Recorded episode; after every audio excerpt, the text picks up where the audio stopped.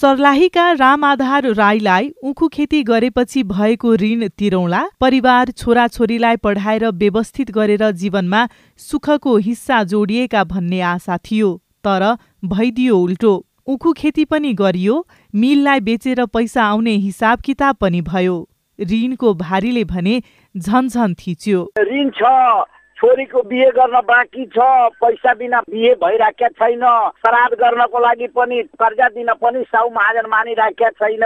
हामीहरू चाहिँ ऋण लिएर नै खेती गरेका छौँ। ऋण त ऋणै छ।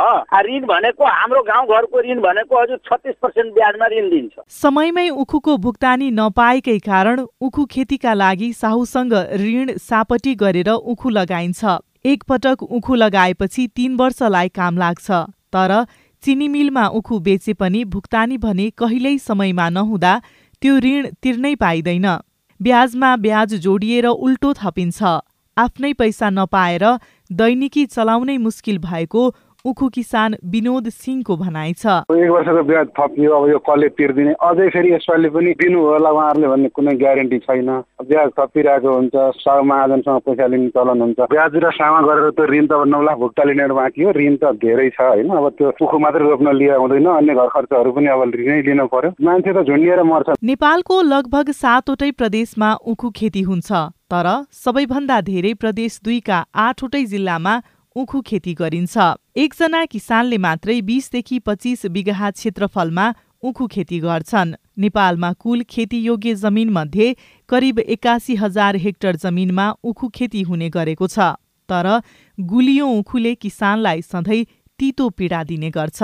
उखु किसान रामदयाल राई। पैसा बाँकी है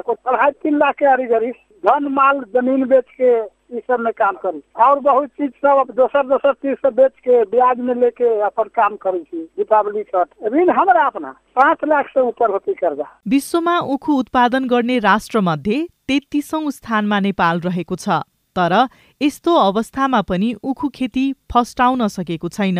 कारण उखु किसानले भुक्तानी नपाएको भन्दै वर्षेनी उत्पादन घटाउँदै लगेका छन्। अब ऋणको भारी बोक्न नसकेर थिचिन मात्रै बाँकी रहेको उखु किसान रामसागर महतोको पीडा छ। चारवटा बच्चा छ घर पार चलाउनु छ। एक सय रुपियाँको तिन रुपियाँ ब्याज तिरेर कर्जा लिएर काम चलाउँछु। दुई लाख रुपियाँ ऋण अहिले हामी माथि छ तिन तिन रुपियाँ महिना सैकाको चलिराखेका छ। किसान भित्र पनि पहुँच भएका र राजनीतिक दलमा आबद्ध भएकाहरूले आन्दोलन गरेर केन्द्रमा आएर उद्योगीहरूलाई धम्क्याएर भए पनि पैसा लिन्छन्। तर पहुँच नभएकाहरू सधैँ पीडाको पीडामै छन्। स्नेहा कर्ण सिआइएन काठमाडौँ।